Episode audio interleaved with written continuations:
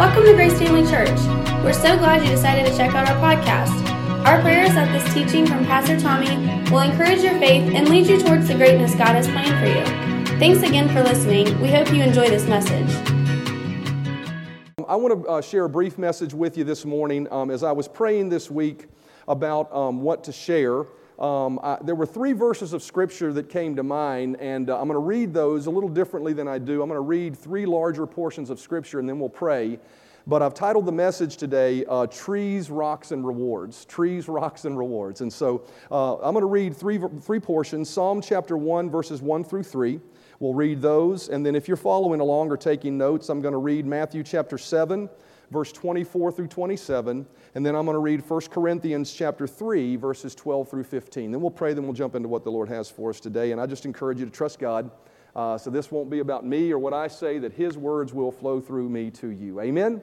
Amen. Psalm chapter 1 and verses 1 through 3 says, Blessed is the man who walks not in the counsel of the ungodly, nor stands in the path of sinners, nor sits in the seat of the scornful. But his delight is in the law of the Lord and in, and in his law he meditates day and night.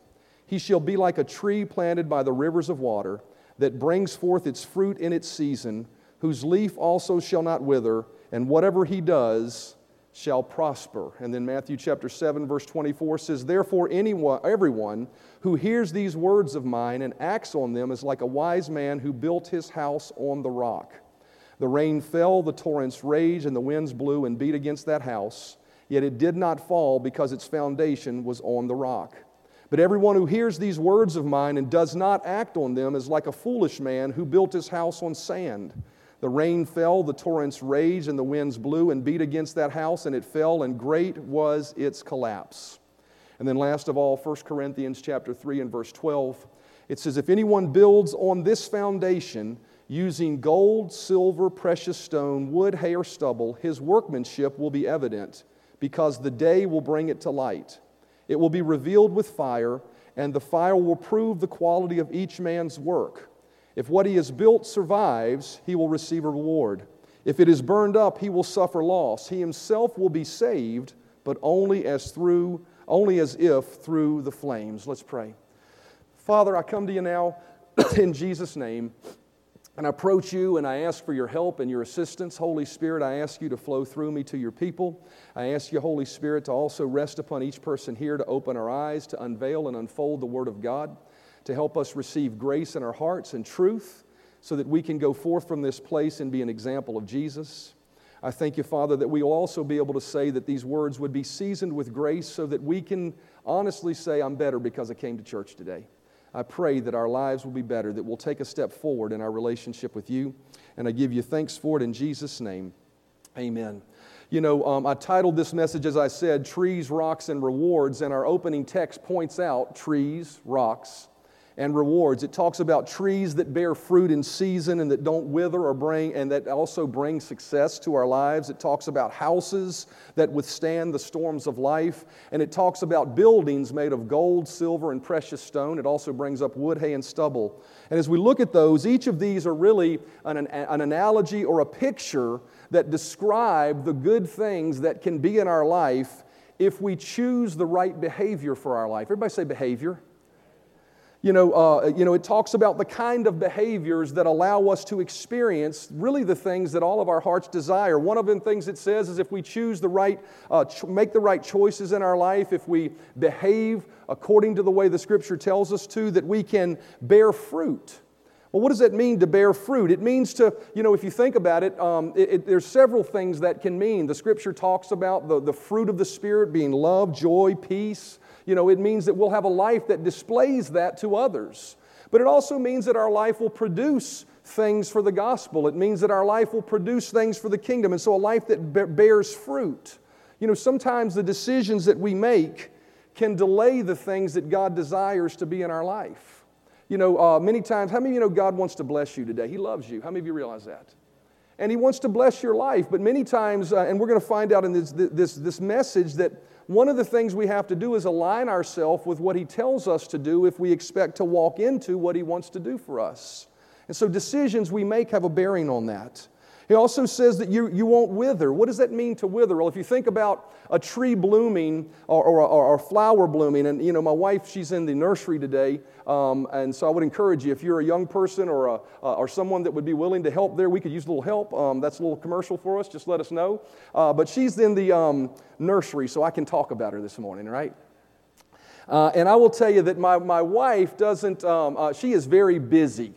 And so there have been many times that I've bought her um, flowers, you know, even flowers like hanging baskets and things. And, and uh, you know, uh, lots of times she'll get busy. Now, she's done really good about this recently, but, but we'll, we'll hang a flower out there and it's blooming and it's blossoming. And a week or so later, I'll come back and it's withering and dying. And so what we find to be true is what that means is, is a life that blossoms is when a life is coming into what God wants uh, you to have in your life. Well, God wants that to be sustainable. He doesn't want you to experience good things and then to see those bad things wither away at some point. I mean, the Bible's really true, is true. We're going to have problems and things are going to happen in our life. But God wants our life to be a, a progressive uh, building of good things in our life, uh, uh, of good things, whether it be the character of God or whether it be the blessings of God. And then he also says that, that the, if, if you're like that tree, then you're, you're going to actually have a life that, that whatever you put your hand to prospers. That's what God said in his word. So, what that means is, is that you're going to have success. You know, there are some people whose lives just go from failure to failure to failure. And there seems like there are other people's lives that seem like they go from success to success to success. Well, I can tell you if you're going to partner with God and, and, and receive His success, how many of you realize his d- definition of success is different than the world's definition of success? But if you want to experience the kind of good life he wants you to have and to have that success sustainable day after day, even though problems show up, you've got to make good choices. And then we also talked, it also we read about not only trees, but then we read about a rock that we can build our house, our life upon. And it says that when the storms of life come, your rock, your house will stand upon that rock. And so we can make choices that cause our life to be stable. And then last of all, it says, you know, we talked about, you know, rewards, you know, good, good things we can receive when we stand before the Lord. And most importantly, how many realize we're all going to stand before Him one day? And, and I don't know about you, but when I stand before Him, I want to give a good account for the life that He gave me. I want to give a good account for the sacrifice that Jesus made for me. And so we can build a life that is worthy of rewards for the things we've done. We see that in a verse. And so, you know, it talks about the way we actually experience those things and see those things is through our behavior. And so I want to talk to you today a little bit different uh, slant on things, but you know, what is behavior? The word behavior is this it's the way one acts or conducts oneself. And so, what these verses tell us is that the way we act in the day to day moments of life are going to determine greatly what kind of outcome we have with, for our life. How many of you realize if you just go around treating everybody mean, you're going to get meanness back, right?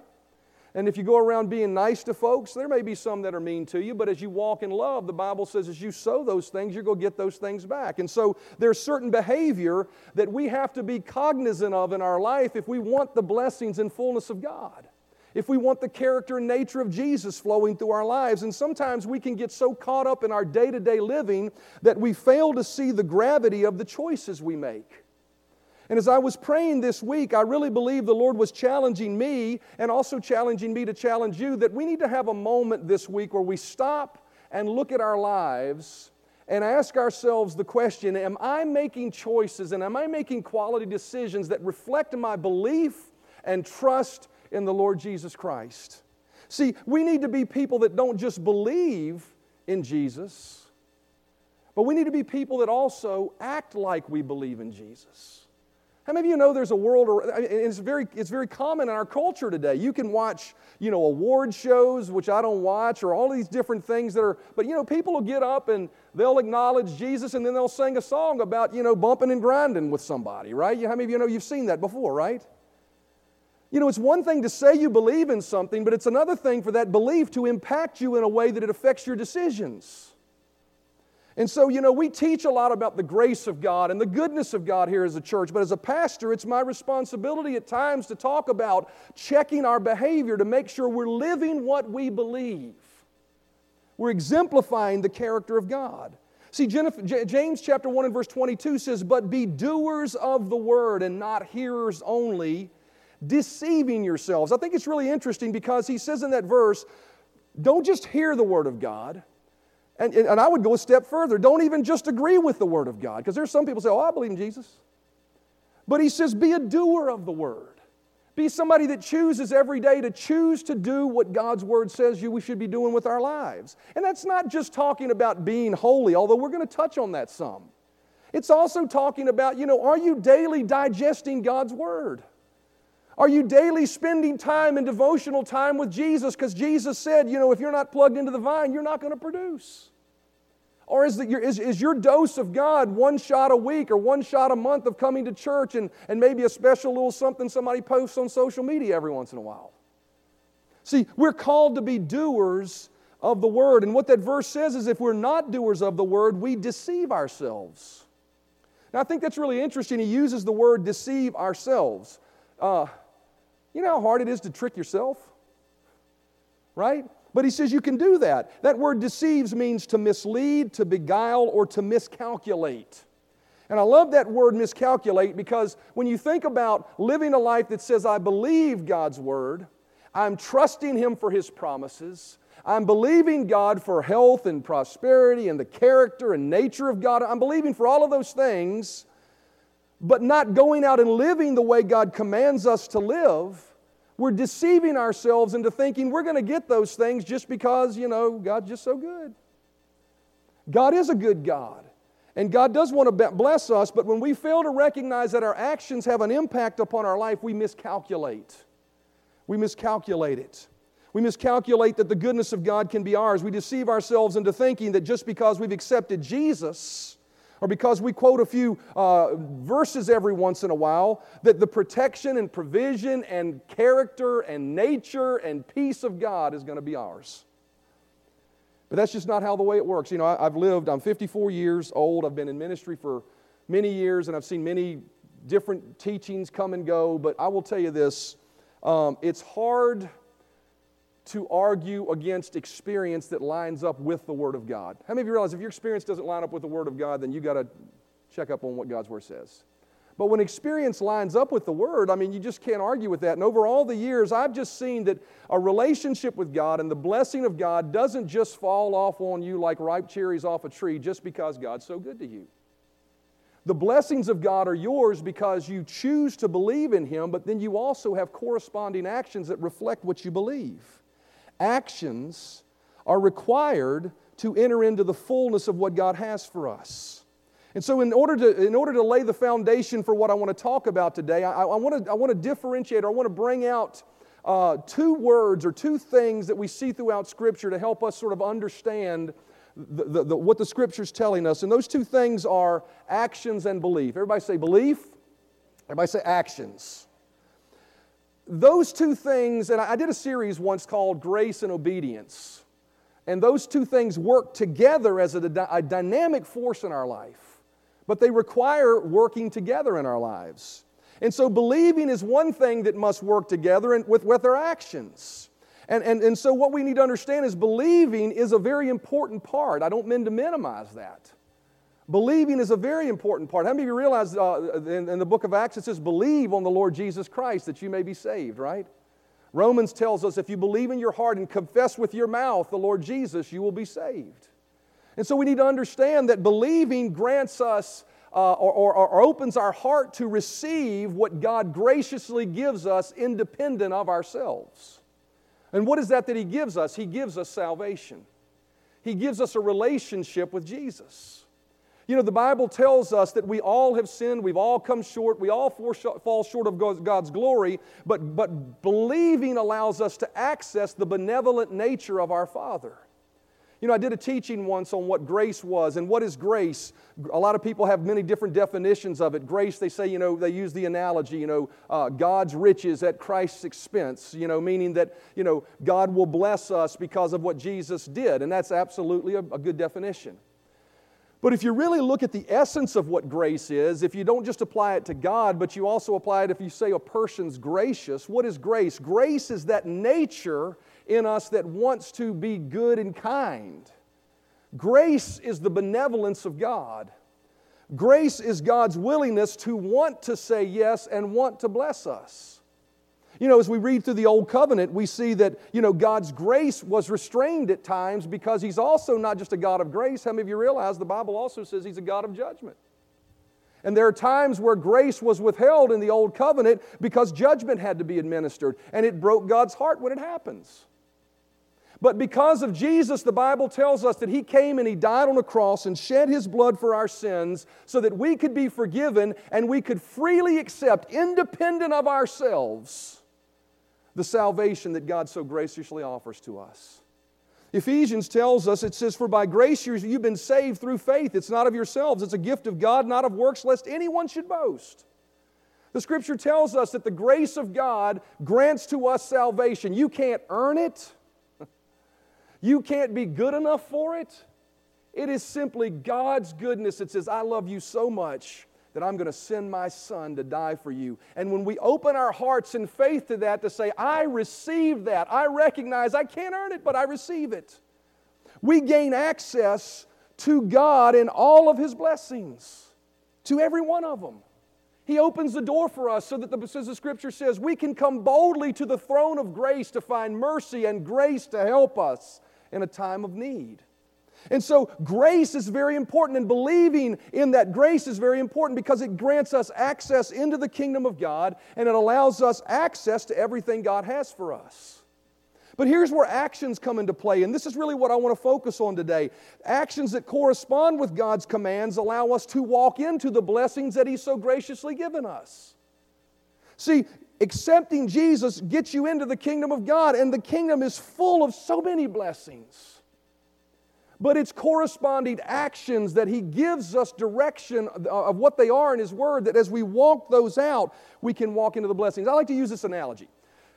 Um, because of my benevolence this morning, I want to give $20 to Elena. So, Elena, I want to give you $20. Is that okay with you? Okay. So, I'm giving this to you. So, it's hers because of benevolence. And she just said, okay, I'll take it. So she opened her heart to it. But for her to get this $20, I'm saying she needs to walk up here and get it from me.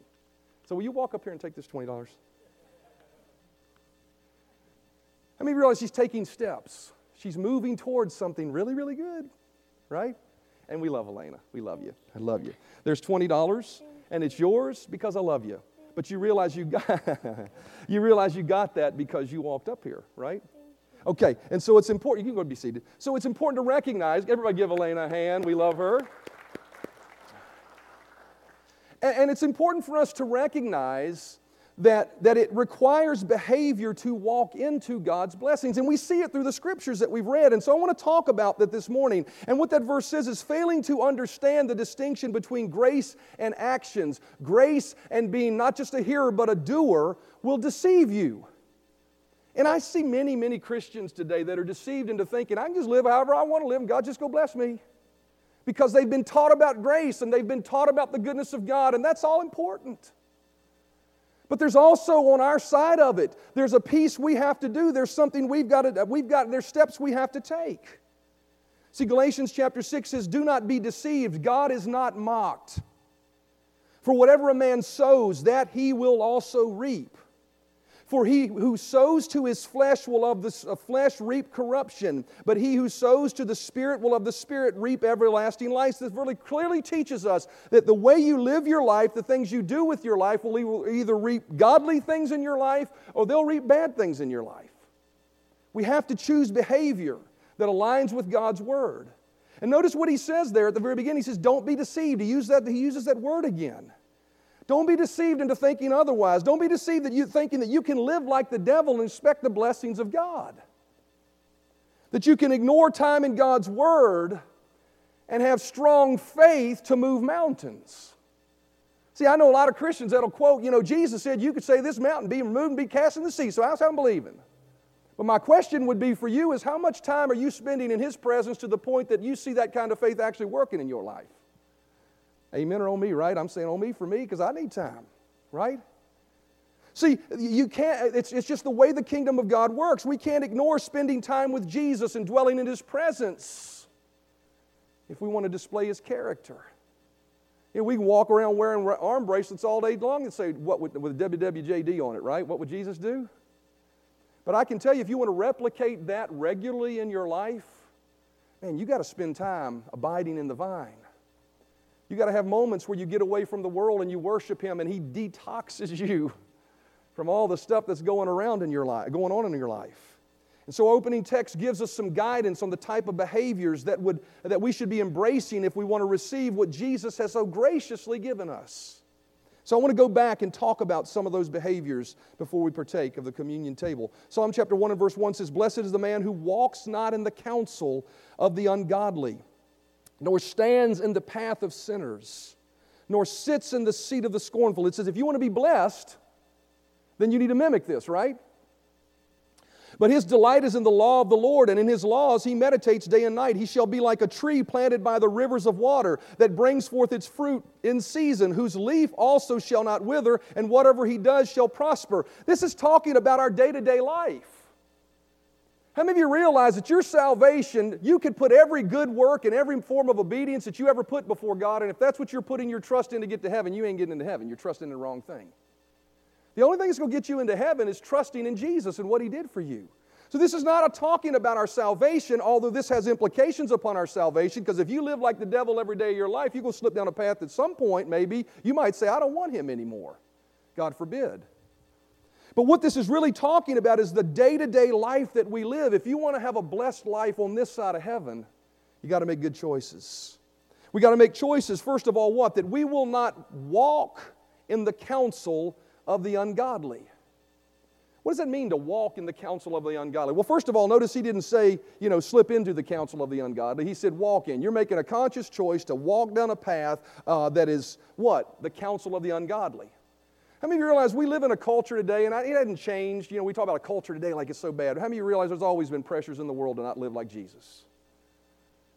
We live in a world around us that, that, that wants to set the standard of what it means to live like Jesus. There are, there are uh, modes of thinking out there today that, cause, uh, that, would, that would lead you to believe, from a social aspect, that it's godly for us to accept every form of behavior and every lifestyle. But the scripture clearly talks about certain forms of behavior and certain lifestyles that are sinful and harmful, right? And so, you know, we're challenged to not be uh, insensitive as Christians, to accept, you know, things. And, and, you know, how many of you realize judgment belongs to God? Our, our job is to love everybody and not judge everybody. That is our role, right? My job is to love anybody that walks in this door and let them know we love you. But it's also my job to correct and reprove and teach the Word of God so that lives can be robbed from future hurt that they may not even see right now. And Scripture teaches us very clearly that there are certain counsel of the ungodly ways you can walk in because the world says that's the way you should be if you're a kind, loving, nice person.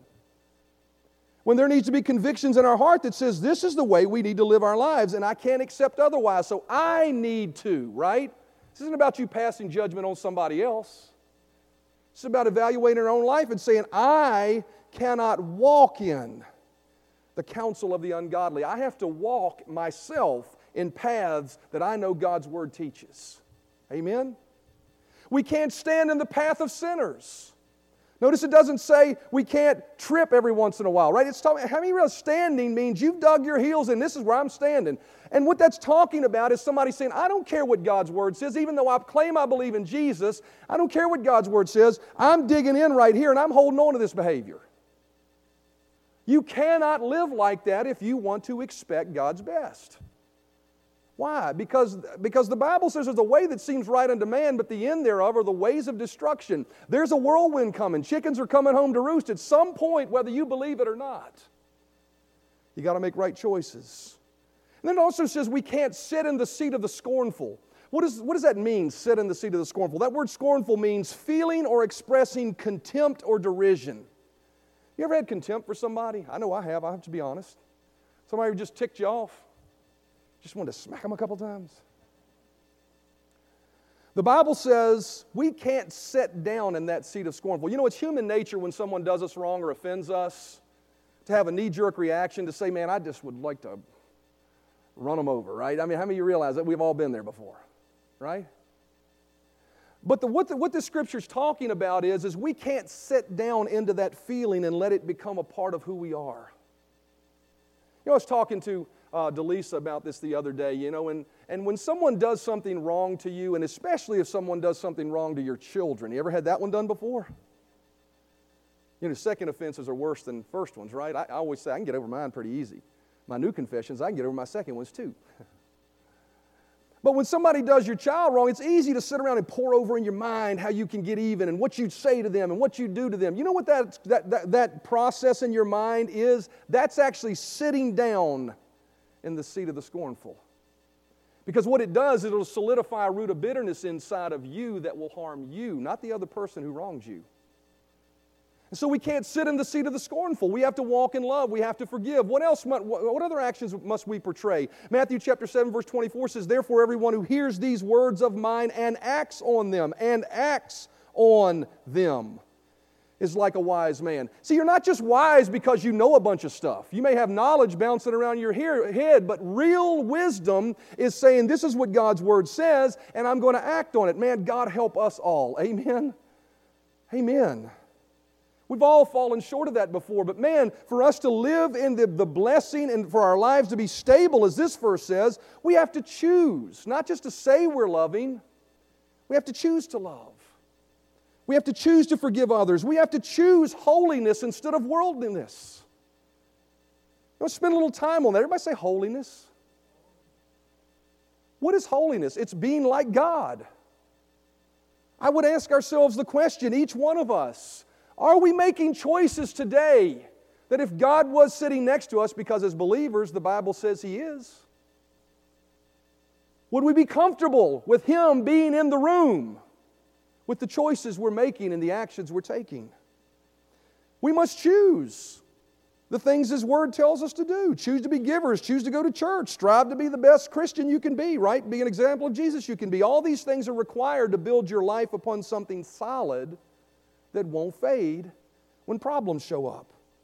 And I will tell you, I've heard the Spirit really challenging me and challenging all of us to really take a moment and stop and recognize that this life we've been given, because of so graciously what Jesus did, is not a game. It's not just a belief system. It's not just another religion. It is a way of life that we've been called to. And we must challenge ourselves to make right choices. Joshua chapter 24 and verse 14 says, Now therefore fear the Lord and serve him in sincerity and in truth, and put away the gods which your fathers served on the other side of the river and in Egypt. Serve the Lord. Verse 15, for the sake of time, I picked it up in the middle of the verse. Choose yourselves this day whom you will serve, whether the gods which your fathers served that were on the other side of the river, or the gods of the Amorites in whose land you dwell. But as for me and my house, we will serve the Lord. He's saying we should make a choice to serve God every day of our lives. And I think it's interesting that he calls out, you know, choosing between serving God and other gods. You know, I remember as a young Christian growing up in church, I'm so grateful for Danny Smith. Uh, Danny Smith, I grew up in a Southern Baptist church and I got born again in that church. And, and, and a lot of the uh, foundational stuff that's in my life is because of him. I'm grateful for him. So if he's happened to listen, or every once in a while we'll share a Facebook post, I, am grateful for him. And I remember him, you know, pre, uh, teaching even as a young child about choosing which God you will serve. And you know, sometimes we think of that as either God or the devil, but how many of you realize things can be gods in our life? Anything in our life that we usurp above God and the way He calls us to live has become the God of our life. It can be a religion, it can be a, a, system of faith unrelated to Christianity, it can be a lifestyle choice, it can be a behavior, it can be a habit, it can be a hobby. You know, how many realize a hobby's not, it's okay to have a hobby, but when the hobby gets in the way of what God's telling you to do, then the hobby's become a God, right? See, we have to choose who we're going to serve, and we have to make God the God of our life.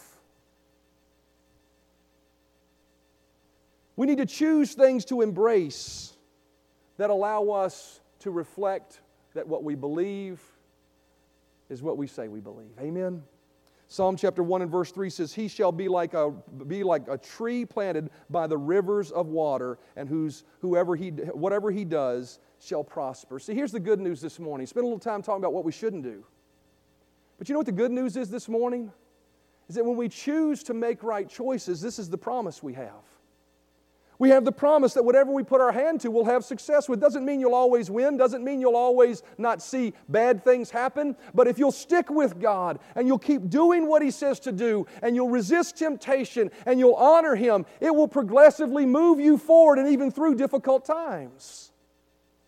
He says, You'll be like a tree planted by rivers of water, and whatever you do prospers. Matthew chapter 7, you'll be like a wise man who built his house upon a rock. And here, most importantly, is what living that kind of life will do for us. And this is where I want to bring this to a conclusion.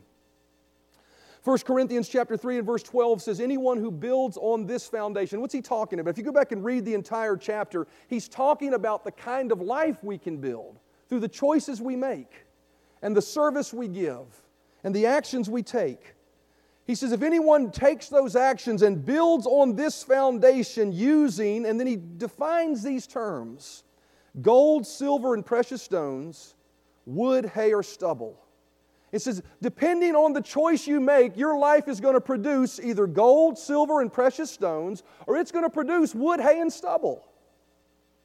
And it goes on to say, his, his workmanship will be evident because the day will bring it to light. How many of you realize we're all going to stand before the judgment seat of Christ as believers?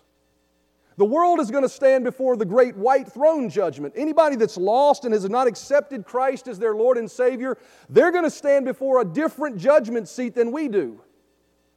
They're going to stand before a great white throne judgment, and God is going to judge them based on whether they've accepted Jesus or not. They'll throw up their good works and all their good things, but at the end of it all, He'll say, Yeah, but you're still stained by sin. And I gave you a free gift of accepting Jesus, my Son, as your Lord and Savior. You weren't willing.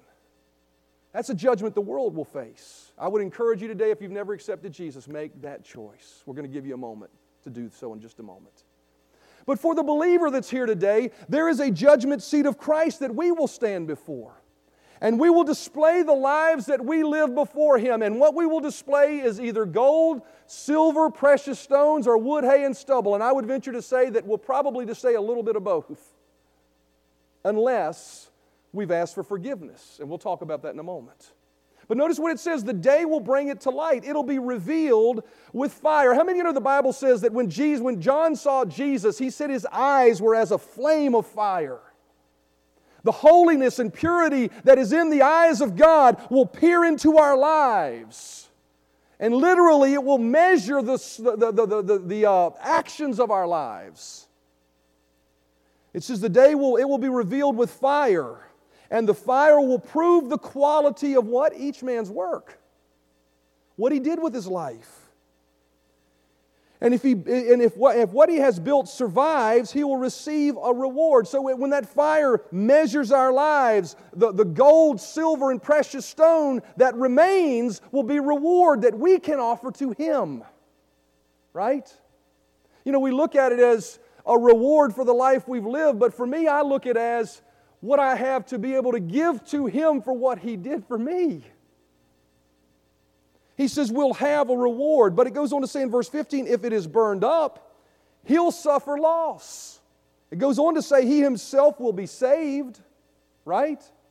So, a person that's trusting in Christ, that calls Him his Lord, if they haven't lived a life of service to God and making godly choices, they'll stand before God one day. The fire of God will blow through their life, and all they'll have to show for them is the incorruptible seed that they trusted in the Lord Jesus Christ. But they'll have nothing. You imagine the day standing before the one who hung on a cross and took nails in his hands and his, and his side, who was willing to be tied to a whipping post and be beaten within an inch of his life, who was willing to suffer on a cross as a sinner even though we weren't, he wasn't one.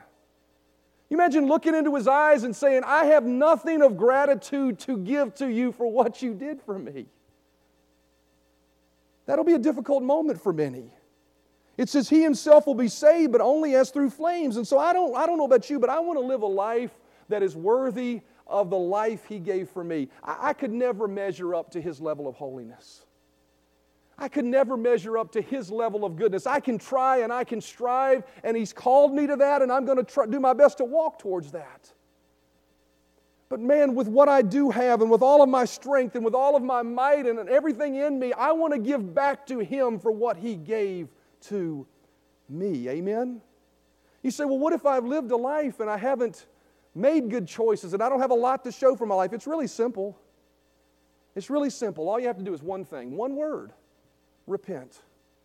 Everybody say repent. Acts chapter 3 and verse 19 says, Repent then and turn to God. See, that word repent doesn't mean just keep doing what you're doing. Repent means to make an about face. It means to say, you know what, I was holding on to this or this was something I was doing, but I'm making a conscious choice. Even if I may struggle and stumble with it some in the future, I'm making a conscious choice to say, this isn't mine anymore. I give it to Him and I'm turning and I'm going to walk in a different direction. I repent. And then you realize there are big things we need to repent of because that's a big word. Repent. How many realize there are little things we may need to repent of? As we grow and progress with Christ, there are going to be little things He speaks to you about that says, ah, that ain't good for you no more. How many of you been there before? There have been times where I've recently been watching something on television and God says, uh uh uh uh, no more. No more. Why? Because I don't want you to have fun? No because I want to move you into more of my grace, more of my power, more of my anointing, more of you being more sensitive to me so you can be more sensitive to others. Amen? Amen. Repent. Just make a choice to turn away. And notice what it says it says that your sins may be wiped out. I just looked this up just right before I walked in here. That word wiped out means this it means completely removed. Obliterate, I love that word removed totally from a previous state with the outcome of being blotted out or erased. That's Strong's Concordance. What that verse says is, is that if we repent, if we truly in our heart turn from our, our, our way that, God has said you shouldn't be in, and we make a choice and we say, God, I confess that, I, I thank you for forgiving me, I'm turning away from it, the Bible says He wipes it away as if it never was there. He obliterates it. You know, that's good news for us today. Why? Because when I stand before Christ, not as a cloak for me to live like the devil, but if I do make a mistake, if I do sin, if I do have a behavior that he shines lights on and says it needs to change, I can bring it before him and I can truly repent of it, and I know I won't have to give an account for it when I stand before him one day. Because he says he blots it out, he wipes it away. Though your sins be red as crimson, they shall be as white as snow. If you confess your sins, he's faithful and just to forgive your sins and cleanse you. And then notice what he says that times of refreshing. Everybody say refreshing. I can tell you I've had those moments in my life. What a refreshing, burden lifting moment it is when we repent. I can count the I can look at the times across the course of my life. I remember once when I was 18 years old. I, I was born again when I was five years old. Uh, grew up in church, filled with the Holy Spirit when I was 12. But some of my high school years, I just, and this is not an excuse, and high schoolers, I'm telling you, don't do it. But I made a choice to walk away from God for a while. I still believed in Him in my heart, but I just wasn't displaying the character, wasn't making choices. And I, and I didn't realize the nature of those choices and the burden that I was carrying. And that's, that's the deception of sin. You don't realize the weight you're living under. But the moment at 18 I walked that aisle and I rededicated my life to the Lord, it was like a 2,000 pound weight came off my shoulders. A time of refreshing came from God's presence. What a burden lifting moment it is when we repent, when we make a choice to choose His path instead of ours. When we consider the one that made such an awesome sacrifice. Shannon, as you go ahead and come with us, and Shirley, I've asked them to prepare a special song for us before we partake of the communion table because I believe this is a moment for us to look into our own hearts and ask ourselves the real heart searching question Is my life truly impacted every day and every choice by what I say I believe? When I look into the liquid eyes of love that I see in my Savior, is what He sees back something that would be pleasing in His sight? When I see the nail scarred hands that shed blood for me, am I making right choices that would reflect my thankfulness for that? When I see His forgiveness looking at me, begging me not to condemn me, but to save me from the, the, the whirlwind of reaping that could take place based on the choices I'm making, am I making a choice to succumb to His beckoning forgiveness? Am I wanting to make choices to set me free from the seed of bad choices of my past? So before we partake of the communion table together as a church family, we normally we talk about the different aspects of the communion table, what it means and what we should be believing. I just sensed in my heart that the Spirit of God, as a church family, wanted us to look into our heart of hearts and spend a moment reflecting upon what He did for us. And ask ourselves the question Is my life reflective of choices that are grateful for what He did for me? 1 Corinthians chapter 11 says, For I received from the Lord, Paul said these words about the, the, the, the, communion table. He said, For I received from the Lord what I passed also on to you. The Lord Jesus, on the night he was betrayed, took bread. And when he had given thanks, he broke it and said, This is my body, which is for you. Do this in remembrance of me. In the same way, after supper, he took the cup, saying, This cup is the new covenant in my blood. Do this often as you drink in remembrance of me. For as often as you eat this bread and drink this cup, you proclaim the Lord's death until he comes. Now, I want you to notice these last two verses. Therefore, Whoever eats this bread or drinks this cup of the Lord in an unworthy manner will be guilty of sinning against the shed blood of, G- of the Lord. See, what that verse tells us is there should be a manner in which we partake of the communion table that causes us to stop and look and say, wait a minute, am I truly remembering Him? Is my life a reflection of a life that's committed and dedicated to Him? Each one, it says, verse 28, must examine himself before he eats of the bread and drinks of the cup. And so I'm going to take a moment and I'm going to ask you to just close your eyes forget about everybody around you. And I want you just to listen to the words of this song and reflect upon what He did for you. Take a moment to ask yourself the question Does my behavior reflect my belief? And then we'll have a call in just a moment. Go ahead and sing that, Shannon.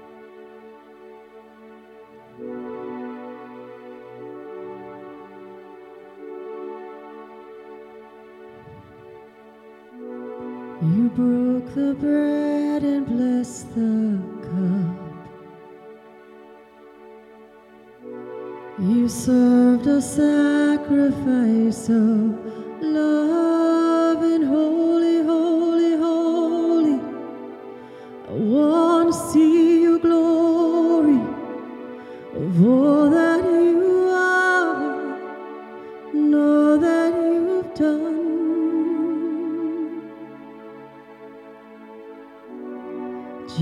Jesus, the